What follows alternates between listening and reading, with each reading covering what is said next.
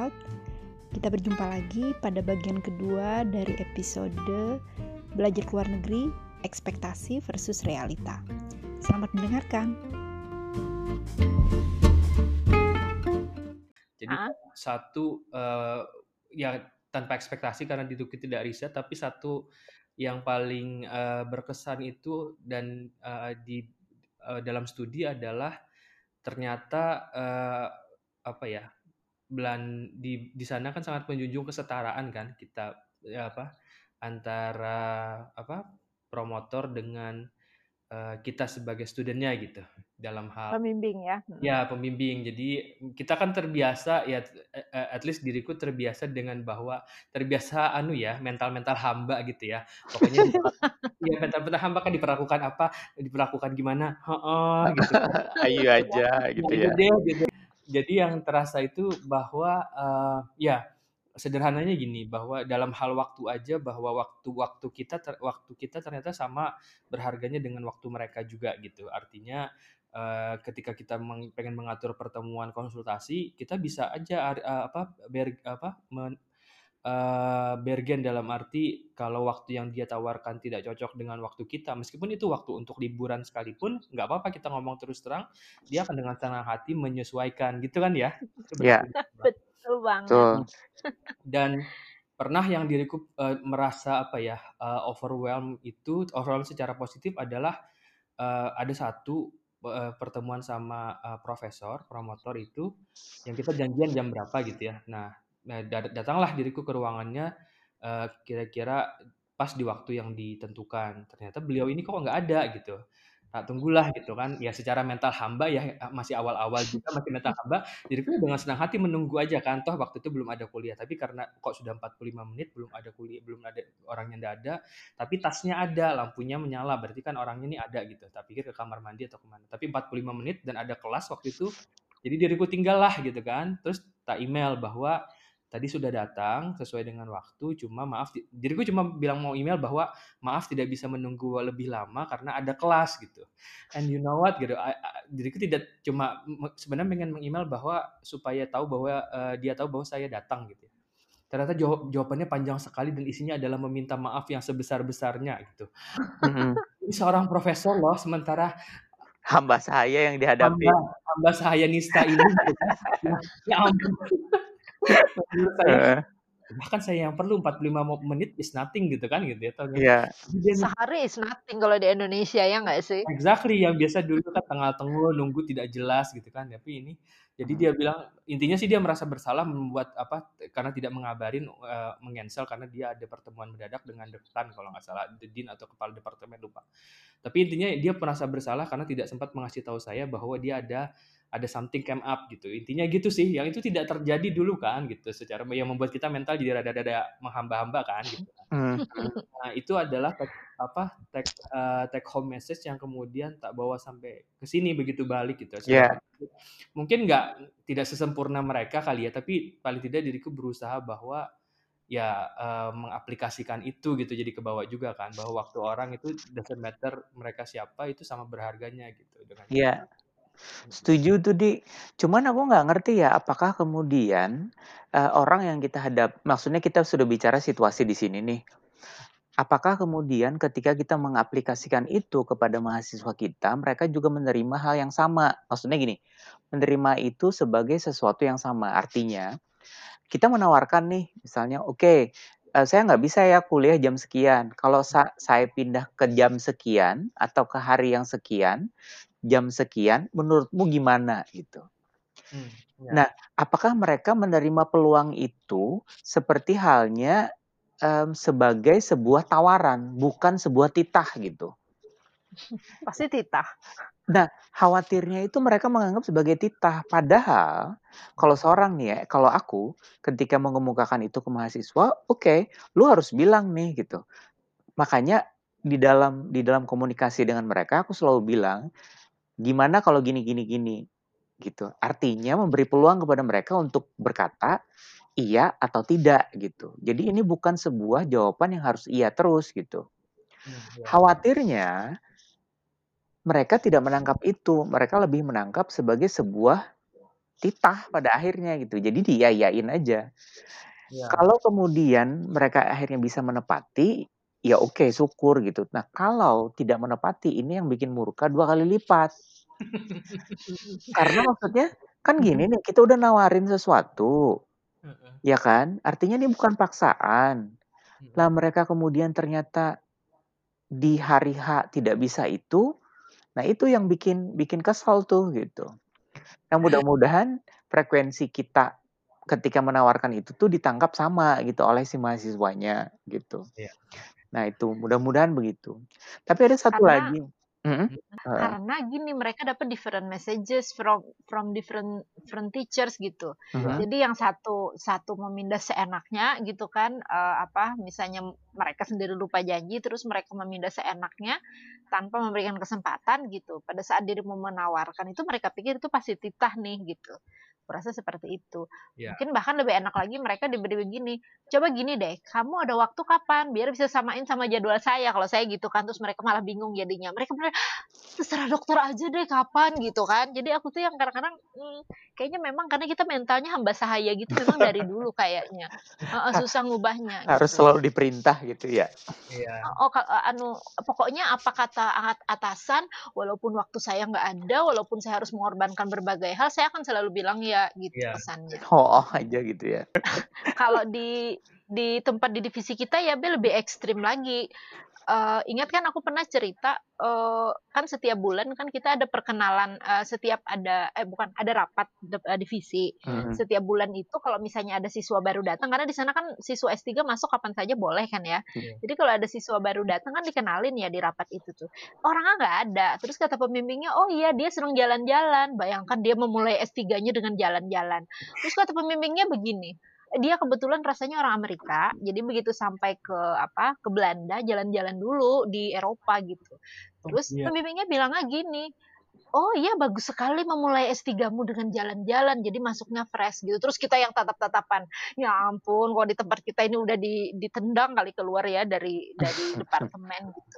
Terus ekstrim kedua Pak anu Yaret. Yaret gini dia eh, dia kan mau defense tuh. Tapi pembimbingnya kan belum ngoreksi tuh. Padahal dia sudah beli tiket ke Rusia kan mau jalan-jalan gitu. Jadi dia bilangnya tinggal gini, "Eh, saya besok malam mau berangkat ke Rusia, mau jalan-jalan, bisa nggak ini dikoreksi? Dikoreksi tahu sama pembimbingnya, pada pembimbingnya Bert kan, maksudnya dia tuh kan kelas dunia gitu kan. Itu dikerjain coba. Jadi itu kan yang akhirnya aku lakukan eh, pada pembimbingku sendiri akhirnya ya kan, saya sudah beli tiket ke Yunani. Eh, soalnya eh, kalau saya nggak berangkat ke Yunani sekarang, pertengahan Desember saya harus pulang ke Indonesia gitu kan, visanya habis gitu. Oh oke oke oke kata pembimbingku kan, langsung dikerjain eh, diskusinya gitu. Jadi malah kita menggunakan dan di sini pembimbing kayak gitu tuh nggak tersinggung ya kan aku di sini sih di sana Iya. berasa masih di Belanda gue. Ya, Itu pembimbing itu bukan sesuatu yang mem- membuat eh, harkat martabat mereka rendah gitu. Buat mereka itu adalah eh, eh, pernyataan bahwa memang oh saya punya hak untuk liburan betul. gitu. Ya. Dan itu mereka lakukan terhadapku juga. Jadi maksudnya saya mau bimbingan nih, oh, apa Vera gitu pembimbing daily supervisorku. Oh sorry saya minggu ini mau mau ski gitu. Dia tuh ski sepanjang tahun coba. Jadi aku sih ini kok kayaknya pergi ski terus setiap aku mau bimbingan dia pergi ski gitu. Tapi itu hak dia gitu. Sama juga kalau aku mau liburan dia mau manggil gitu nggak bisa. Aku bilang aku liburan itu nggak masalah gitu. Itu sih. Tapi memang eh, sana kan memang sangat humanis ya. Jadi pasti semua pembimbing juga begitu kita konsultasi kan pasti nanyakan, oke, selain dari ini eh, how's life gitu, otherwise gitu kan, gitu ya. Pasti tanya. Kadang pas awal-awal ditanya, maksudnya di awal-awal ditanya begitu kan kaget juga. Ah, emang do you really care gitu. Bisa basa-basi ya. Iya, dan Itu beneran. Eh, tapi beneran nanya kan gitu gitu. Nah itu yang belum yang kalau yang sekarang it- yang itu belum bisa diriku terapkan ke mahasiswa sih karena You don't really care. not that I not No, masalahnya you you just don't have enough space in your brain gitu Iya to sih. memorize all that thing. But you can, Be. Tapi sekarang sistemnya udah picking up gitu, udah di di, di apa ya, di dipilih-pilih hal-hal yang yang important menurutku. Iya. Untuk gosip. Menurutku important gitu. Nah, terus kata Bari tadi apa? Ada katanya juga satu lagi. Nah, oke, heeh, culture shock salah satu menurutku, eee, gini, mungkin karakternya beda ya kalau kita sekolah ke sana untuk master gitu dan sekolah ke sana untuk PhD. Hmm. Kalau PhD kan rata-rata orangnya sudah, eee, berusia, eee, matang. Sehingga teman-teman yang di sana juga usianya udah matang sehingga gaya hidup mereka itu udah, eee, gaya hidup, lingkungan pergaulan mereka tuh sudah established gitu. Sehingga ketika kita mencoba untuk masuk ke dalam lingkungan itu, itu agak sulit. Jadi kayaknya perlu usaha yang amat sangat keras gitu untuk untuk bisa blending dengan mereka gitu. Iya. Nah, eee, sehingga buat buat aku sam akhirnya sampai akhir sampai akhir kuliah pun gitu, selama lima setengah tahun lebih berada di sana, eee, tidak pernah tuh bahasa kasarnya gini, diundang oleh anak-anak lokal gitu untuk, le "Eh, main ke rumah dong," gitu. Kita misalnya kalau Indonesia kan biasa tuh ya misalnya, eee, apa, barbeque-an atau apa pun itu gitu. Nah, di Heeh. sana bayangkan five eee, 5 years and more gitu, nggak pernah ada begitu dengan anak-anak lokal. Lokal Justru orang Belanda kan? Ya, Belanda lokal ya? Belanda gitu maksudnya. Nah, Menurutku menurutku ya itu kesalahanku deh, Mhm. Eee, kan orang Indonesia pertama di sana kan Grace ya. Grace kan suka ya ke apa, ke ya dia bisa bahasa Belanda, kemudian dia juga suka pergi-pergi apa, pergi misalnya minum dan sebagainya gitu ya sama anak-anak ya. Nah, sampailah aku kan ke situ kan, Grace udah mau selesai. Aku pertama hari datang ke sana langsung diundang minum-minum sore kan. Aku kan maksudnya satu aku nggak suka ke pub, aku tidak suka berteman juga ya kan. Jadi jadi jawabanku, "Oh sorry," gitu, eee, "nggak bisa," gitu. 2 kali dia mengajak, besoknya ngajak lagi. "Oh ya ini kebetulan Jumat, gimana kalau kumpul-kumpul?" Kita biasanya kumpul-kumpul di disebut nama sebuah, eee, tempat minum gitu ya. Aku bilang, "Oh nggak bisa," gitu kan, eee, bla bla bla bla bla, berbagai alasan. Biasa kalau orang Indonesia kan nyari-nyari alasan gitu ya. Habis itu dia nggak pernah lagi ngajak. Ini bisa saja karena kesalahanku, Be. Kan habis dirimu datang dia pikir, "Another Indonesian person," gitu kan, "Ini pasti nggak mau lagi diajak," gitu. Kurang lebih aja gitu ya.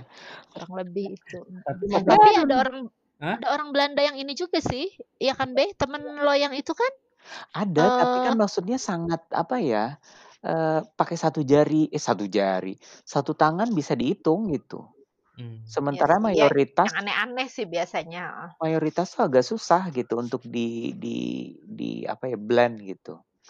Nah, beda Iya. dengan anak master. Kalau menurutku pola anak master itu agak berbeda karena again, anak master sorry nih buat anak master yang pernah kuliah di Belanda. Jadi mereka kan masih kayak, eee, apa ya, ingin membuka diri sebesar-besarnya, sebanyak-banyaknya dengan orang luar. Jadi gaul itu jadi kayak sesuatu yang mereka nggak masalah gitu, pengen gitu. Jadi mereka sangat welcome dengan orang asing, sehingga akan lebih mudah buat anak master tuh untuk, eee, terlibat dengan orang-orang lokal Belanda gitu secara katakanlah akrab seperti itu. Mhm. Nah, ini menurut analisisku sih ya gitu. Karena ya itu tadi pada akhirnya pun mmm, contoh ketika aku ujian defense gitu, yang Mmm. kuundang juga dikit gitu anak lokalnya. Mmm.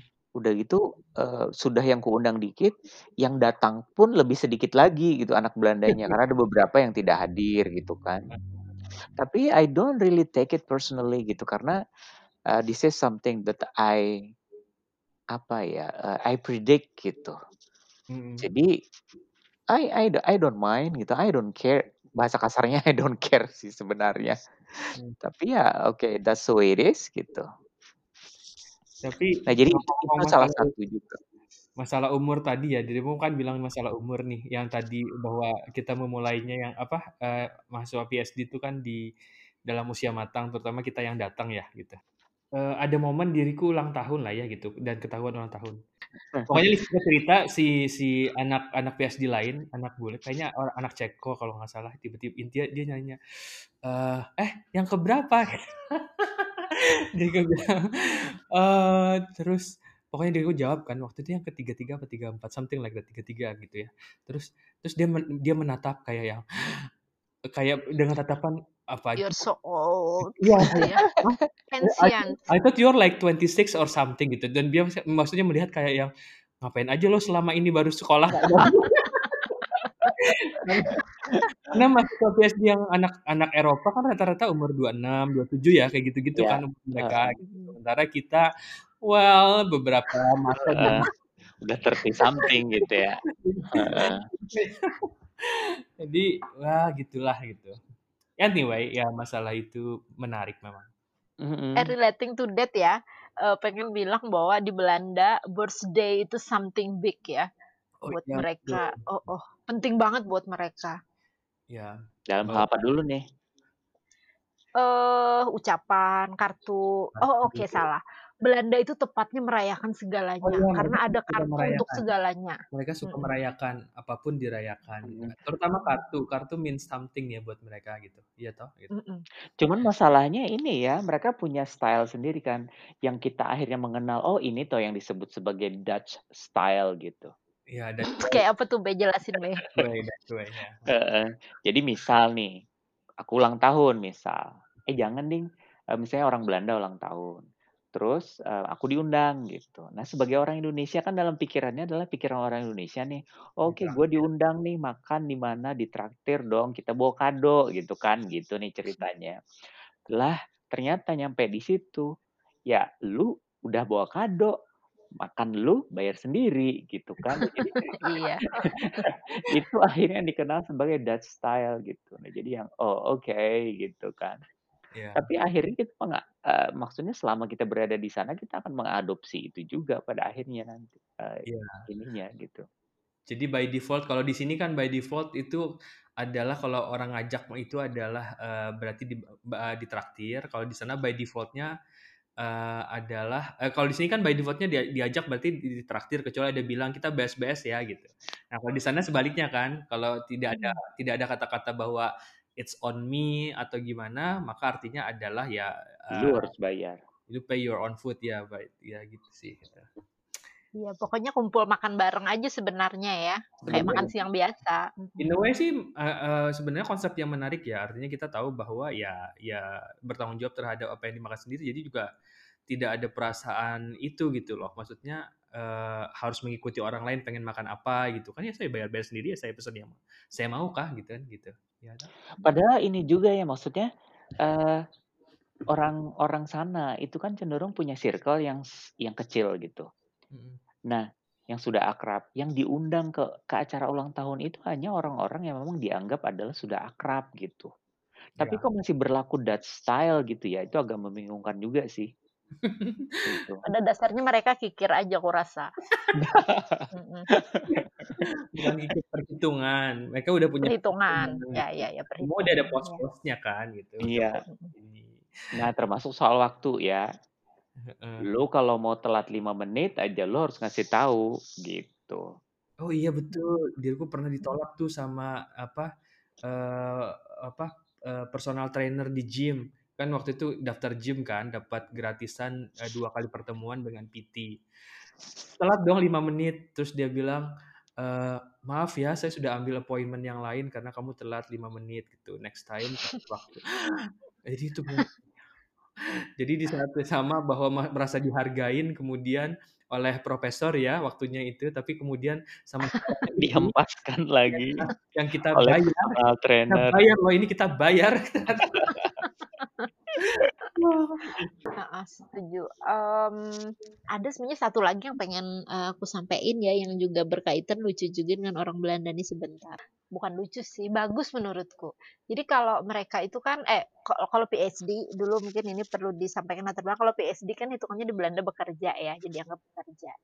Terus mereka itu bener-bener yang terserah lo cara menghabiskan waktu minggumu itu. Misalnya dirimu bekerja dihitung seminggu, misalnya berapa belas jam sih biasanya di 30 jam gitu misalnya ya. 40, 30, 40 Eh, 40. 40 jam normalnya ya. 40, heeh. Normalnya 40 jam seminggu dapat gaji PhD gitu. itu tuh terserah lo cara menghabiskannya gimana mau kamu habiskan dalam dua hari 40 40 jam dalam dua hari itu terserah kamu kamu clock 40 jam sisanya mau jalan-jalan silahkan gitu Betul. itu mereka benar-benar sangat uh, menyerahkan responsibility setiap orang tuh pada diri masing-masing gitu. Dan itu berlaku tidak hanya di PSD ya pada semua orang yang bekerja. Itu seperti itu. Pokoknya kalau sudah clocknya dapet uh, dia kita clock 40 jam kapan pun kita menghabiskan 40 jam itu it's fine gitu. Ya. jadi itu juga tanggung jawab tuh loh diserahkan pada kita. Kayak kita misalnya lah di kantor gitu ya maksudnya kita nyebutnya kantor karena dibilang bekerja. Itu tuh orang bener-bener bekerja gitu. Terus nanti kalau pulang bener-bener tidak membuka laptop tidak ada yang bekerja di rumah apalagi bisa di email di hari libur itu nggak ada gitu. Mereka kayaknya nggak kenal yang WA WA-an gitu kesannya ya. Yang WA WA-an kan cuma kita orang Asia ya. Iya, jadi ah, betul. Bener-bener yang mereka itu uh, balance antara life dengan uh, Work. work itu tuh bener-bener bagus gitu. Kita tidak mungkin menghubungi mereka pembimbing kita kan udah kita hubungi di di weekend gitu. Kecuali mepet mau de- defense kan gitu paling. Iya. Ah ya, satu lagi nih. Aduh aku kalau aku satu lagi terus yang shocking kalau saya shocking sih. Hmm, kan sudah baca sebelum berangkat udah pernah nulis tentang sistem kesehatan Belanda tapi tidak menyangka bahwa akan se ekstrim itu gitu Eh, kan kita semua punya asuransi kesehatannya di Belanda asuransi kesehatan Belanda ini dia kalau yang basic ya kan dia ada apa aja yang dia bayar kan Iya. Eh, biasanya emergency gitu Nah, terus eh, kalau yang saya alami nih eh, waktu itu gigi saya itu selalu masalahnya kan gigi. Gigi itu eh, apa bengkak. Ya biasa gitu kan, bengkak terus dimakani obat gitu kan, makani obat. Loh kok besoknya kayaknya ada ada anu kayak tambah bengkak mungkin ada nanah gitu kan. Oh kan nelpon ke eh, salah satu eh, dokter praktek umumnya di sana ya dokter gigi kan kita ada dokter house arts namanya jadi dokter keluarga lah istilahnya udah ditelepon terus jawabannya eh, oh iya ya oke eh, beri penahan sakit dulu tiga hari lagi telepon lagi gitu jadi nggak kayak yang di tempat kita yang daftar oh ya nanti datang jam sekian kan gitu. Langsung aja misalnya disuruh datang sore. Jam berapa nanti dokternya datang? Oh nanti jam 7 datang aja mbak jam 8 misalnya gitu ya. Enggak saya disuruh datang tiga hari lagi. Jadi seperti biasa kan saya drama. Tapi dia sudah keluar nanah gitu kan sehingga dia yang oh oke oke oke datang saja hari ini gitu. Jadi pas saya datang dokternya itu benar-benar santai gitu lagi minum teh tunggu sebentar belum jamnya gitu. Karena saya kan takut kan telat ya. Oh tunggu sebentar belum jamnya dia minum teh dulu di depan saya gitu. Santai begitu jamnya baru masuk gitu. Dan bener-bener itu aja gitu. Jadi apakah kayak di sempat sini terus diberi penahan sakit diberi apa namanya antibiotik? Tidak. Diatasi gitu ya. Oh iya benar dibersihkan. Udah udah cukup gitu aja. Nggak dapat obat? Nggak usah. Gitu jadi bener-bener yang kalau mereka itu bener-bener ideal seperti layaknya eh, kita baca di buku-buku kedokteran. Kalau misalnya nggak nyeri lagi nggak usah diberi penahan sakit kalau kamu yakin eh, apa yang kamu kerjakan itu higienis maka tidak perlu diberi antibiotik gitu. Dan ekstrimnya lagi kayak Riana be pernah patah loh bayangkan dia patah kecelakaan ski gitu itu Oh. karena dia sudah makan penahan nyeri udah dikasih bidai datang ke UGD dibiarin dia kurang emergensi yang lain dulu jadi dia tuh katanya berjam-jam di IGD menungguin gitu jadi bener-bener sesuai ideal tapi buat kita pasien kan kadang-kadang buat kita kan diri kita selalu emergensi apa pun itu penyakitnya kan dan kita kan marah kalau kita di apa di dikemudiankan Cuekin. daripada pasien-pasien nah, yang datang se sudah kita gitu. Sementara mereka benar-benar memilih yang mana yang benar-benar emergensi gitu. Jadi buat saya itu sangat mengagetkan kalau di Indonesia ini sudah dikali dituntut-tuntut segala macam ya pelayanan jelek lah ditulis di koran lah gitu. Kalau di sana semuanya pasiennya sabar. Sabar mungkin di dalam hari menggerunda nggak tahu ya. Tapi mungkin ini se- sebuah sistem yang sudah established bertahun-tahun makanya mereka paham dan sabar gitu tidak protes Oke, nah tapi tadi kan yang kita sebuti semua tadi kan ya eh, cukup banyak yang jelek-jelek gitu ya, tapi eh, lumayan banyak juga ya positif points-nya eh, dari sekolah di luar negeri nih. Kalau buat Adi nih apa sih positif poin yang paling eh, dapet nih? Mungkin bisa satu dua mungkin yang bisa disebut dari pengalamanmu sekolah di luar negeri ini. Eh, andai kata dibandingkan kalau sekolah S3-nya di dalam negeri gitu. Um, yang pas yang pasti work ethic ya, work ethic bahwa uh, work ethic dalam arti uh, responsibility. Kita uh, karena kita diberi diberi kepercayaan kan gitu karena uh, dapat uh, pembimbing itu punya punya trust bahwa kita uh, melakukan apa yang harusnya kita lakukan dan kita belajar bertanggung jawab terhadap itu. Itu work ethic. Uh, karena kalau di, kalau di Indonesia kan kita terbiasa dengan serba diawasi dan sebagainya gitu ya harus laporan ini itu gitu sehingga uh, apa namanya uh, sementara di sana enggak. Yang kedua adalah um, apa ya ya itu tadi kayak um, ada ada ada beberapa uh, nilai value yang yang baru yang menurut kita uh, positif yang bisa kita bawa pulang gitu loh situ etis kalau bicara dua itu. Yang lain-lain apalagi ya? Kepercayaan diri mungkin. Hmm. bahasa masalah bahasa.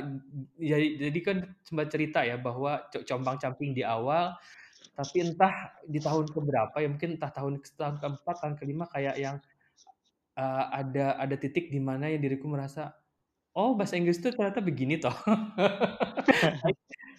just like that gitu bahwa oh it's nggak tahu. Dan itu sebenarnya mungkin karena lebih kumulatif terpapar banyak hal belajar tapi kayak ada ada perubahan terasa signifikan gitu. Tiga itu sih berarti bahasa. Dapat patternnya gitu ya? Dapat patternnya. Oh gitu mungkin karena sudah ya sebenarnya itu investasi dari banyak hal kan karena kita banyak baca banyak banyak harus bicara gitu.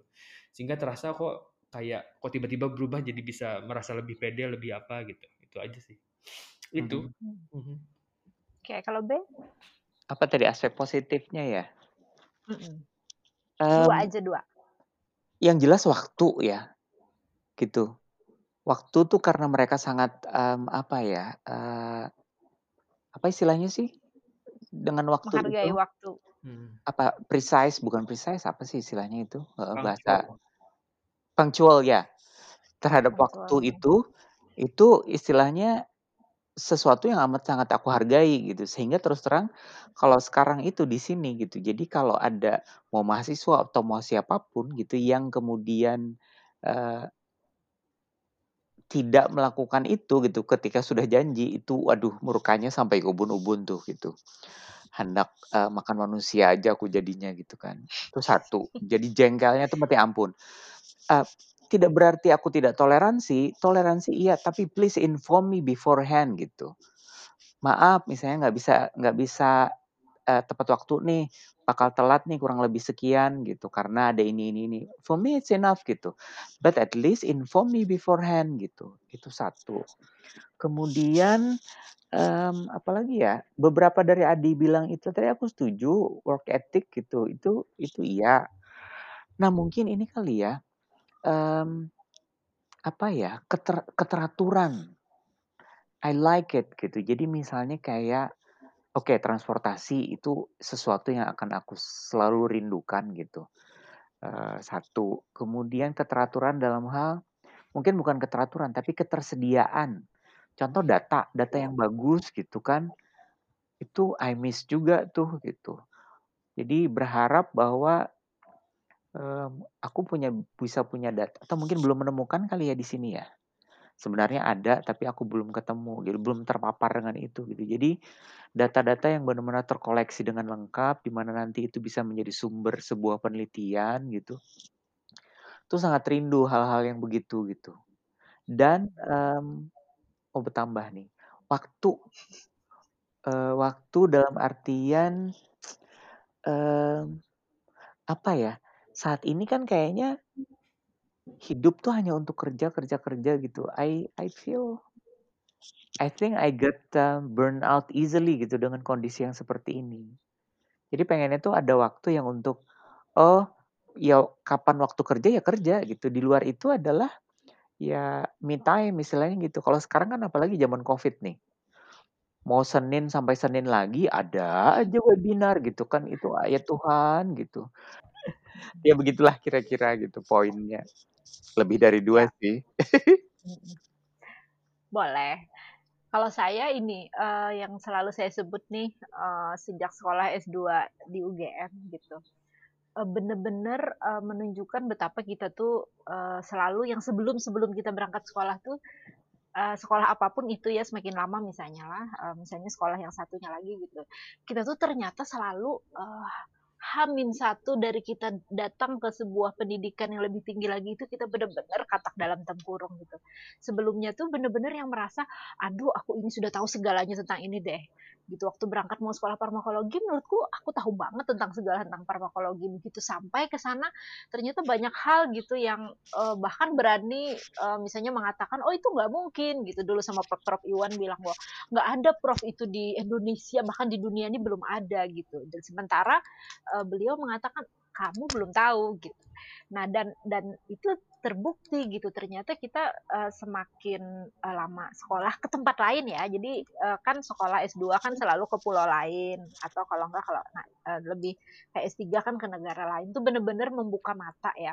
Saya setuju banget dengan Adi tadi yang bilang bahwa uh, banyak hal ilmu yang selama ini kita sangka udah bener tapi mungkin karena cara penyampaian jadi pasti gurunya ini bener aja udah cuma cara gurunya menyampaikan ke kita itu membuat kita salah persepsi gitu uh, menghilangkan kekatakan dalam tempurungan itu tuh uh, apa sekolah keluar negeri ini benar-benar uh, berhasil gitu. Terus yang kedua ini sebenarnya uh, adalah kata-katanya Terry Pratchett dari apa penulis uh, favorit saya ya.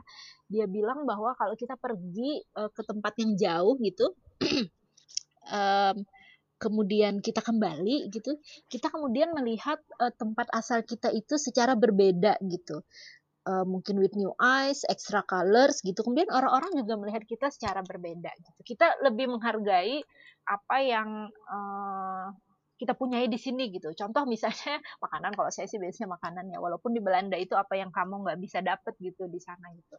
Tetapi tetap misalnya kalau kita pengen makan bakso kalau di sini tinggal nge food gitu ya kalau di sana harus pergi ke ujung mana dunia mana kita kemarin ke Den Haag gitu ya terus ke ujung mana gitu ya untuk mendapatkan bakso yang enak gitu.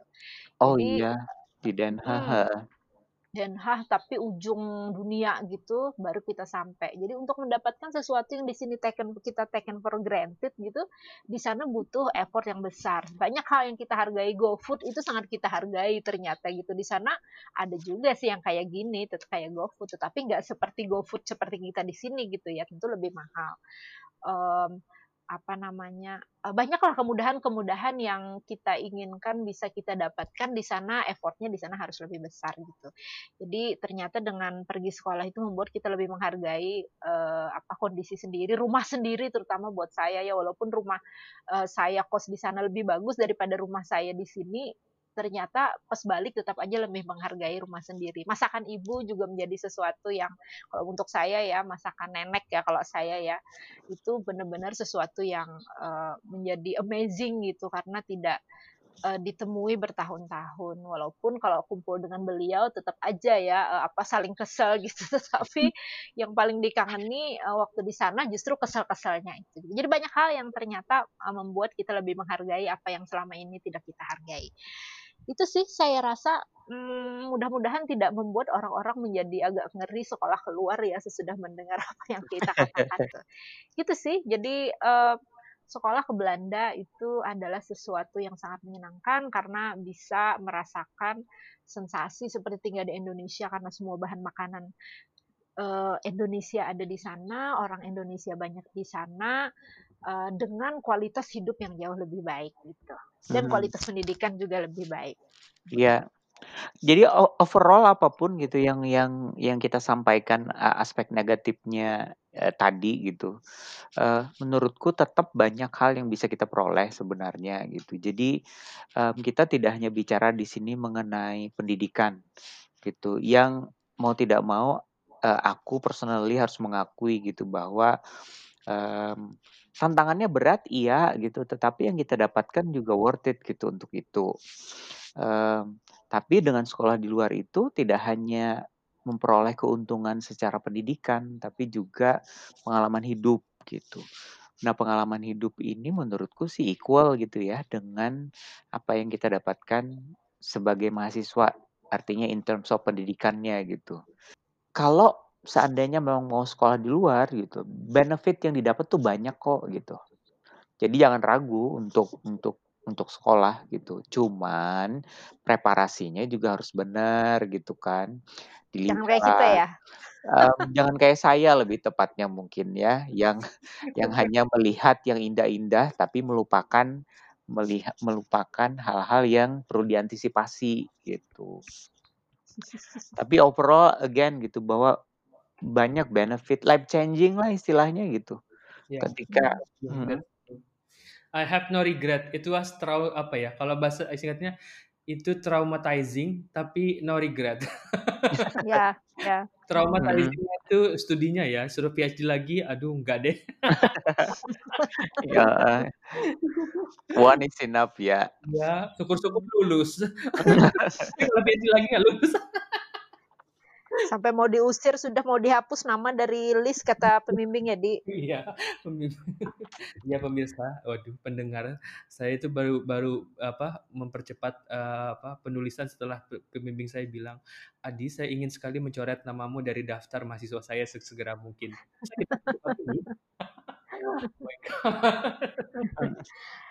Tapi pendengar ya, pembimbingnya tuh bilang gitu, tapi pembimbingnya tuh baik banget ya, lebih baik dari pembimbing kita ya, Be. Eee, pembimbing Ade ini luar biasa, kakek-kakek gitu. Eh, tepatnya pembimbing kita semuanya kakek-kakek nggak sih? Betul, makanya Iya. Satu doa kita adalah jangan sampai pembimbing kita meninggal. Meninggal sebelum kita selesai. Otherwise it's going to be a disaster, big Dan itu disaster. benar, itu benar karena yang penulis negeri Van Oranye itu kan, eee, beberapa hari sebelum dia defense S3-nya, pembimbingnya meninggal gitu. Jadi itu berat buat eee, berat buat semua ya dan Betul. buat, eee, si yang defense juga. Hmm. Ada juga satu teman kita, halo Armina yang mendengar ini, eee, Hmm. beli eee, beliau, kok beliau sih, dia gitu, lagi belum selesai S3-nya pembimbingnya meninggal juga gitu ya. Jadi itu berat banget buat, eee, mahasiswanya ya. Ya tentunya berat buat keluarga mereka, tapi buat mahasiswanya itu luar biasa ya kehilangan pembimbing utama yang jadi tempat kita ber mengadu lah, kalau kita kan mengadu ya kepada pembimbing utama ini ya, Betul. apa-apa diadukan ya. Iya, betul. Iya, itu sih. Mmm, gitu kira-kira ya, eee, mudah-mudahan, eee, yang pengen sekolah nih kayaknya yang akhir-akhir ini ya, eee, Dokter Bahri terutama mungkin banyak, eee, mendapat pertanyaan dari mahasiswa tentang atau bahkan Bahri kemarin barusan memberikan, eee, materi ya di webinar tentang sekolah ya kalau nggak salah, sekolah luar negeri. Dan, eee, mudah-mudahan ini bisa menjadi, eee, salah satu, mmm, hal yang bisa jadi consideration lah sebelum sekolah. Tentunya dilihat positif-positifnya, yang negatif-negatifnya mah lucu-lucuan aja ya. Betul. Gitu kira-kira, mhm. Ada Iya. mau kata akhir? Eee, Bahri biasanya pintar memberikan kata akhir atau Adi? Bahri sudah, Adi mau memberikan kata akhir untuk penutupan? Aduh, kata akhir apa ya? Bye-bye. Assalamualaikum warahmatullahi wabarakatuh. Terima kasih, Ya. gitu ya. Sekolah ke luar negeri kenapa enggak kan gitu. Coba aja dulu, ya kan? Mhm, Hmm. You never know, right? Ya. Oke, baiklah. Terima kasih, eee, buat, eee, kedua gestar, kayaknya gestar bukan nggak cocok lagi disebut gestar ya, kayaknya, eee, tamu tetap ya di, eee, apa, mungkin harus diubah namanya bukan lagi lower cloud ya. Higher cloud tiga sekarang. iya, higher cloud ya. Iya, heeh, terus foto kita di atasnya ada bulatan malaikat gitu. Oh, Oke, no. baik. Terima kasih atas, you apa, ya, iya. kalian semua mau mendengarkan, eee, lagi-lagi kayaknya ini panjang ya, mmm, mudah-mudahan bermanfaat. Oke, bye-bye. Bye. Bye-bye.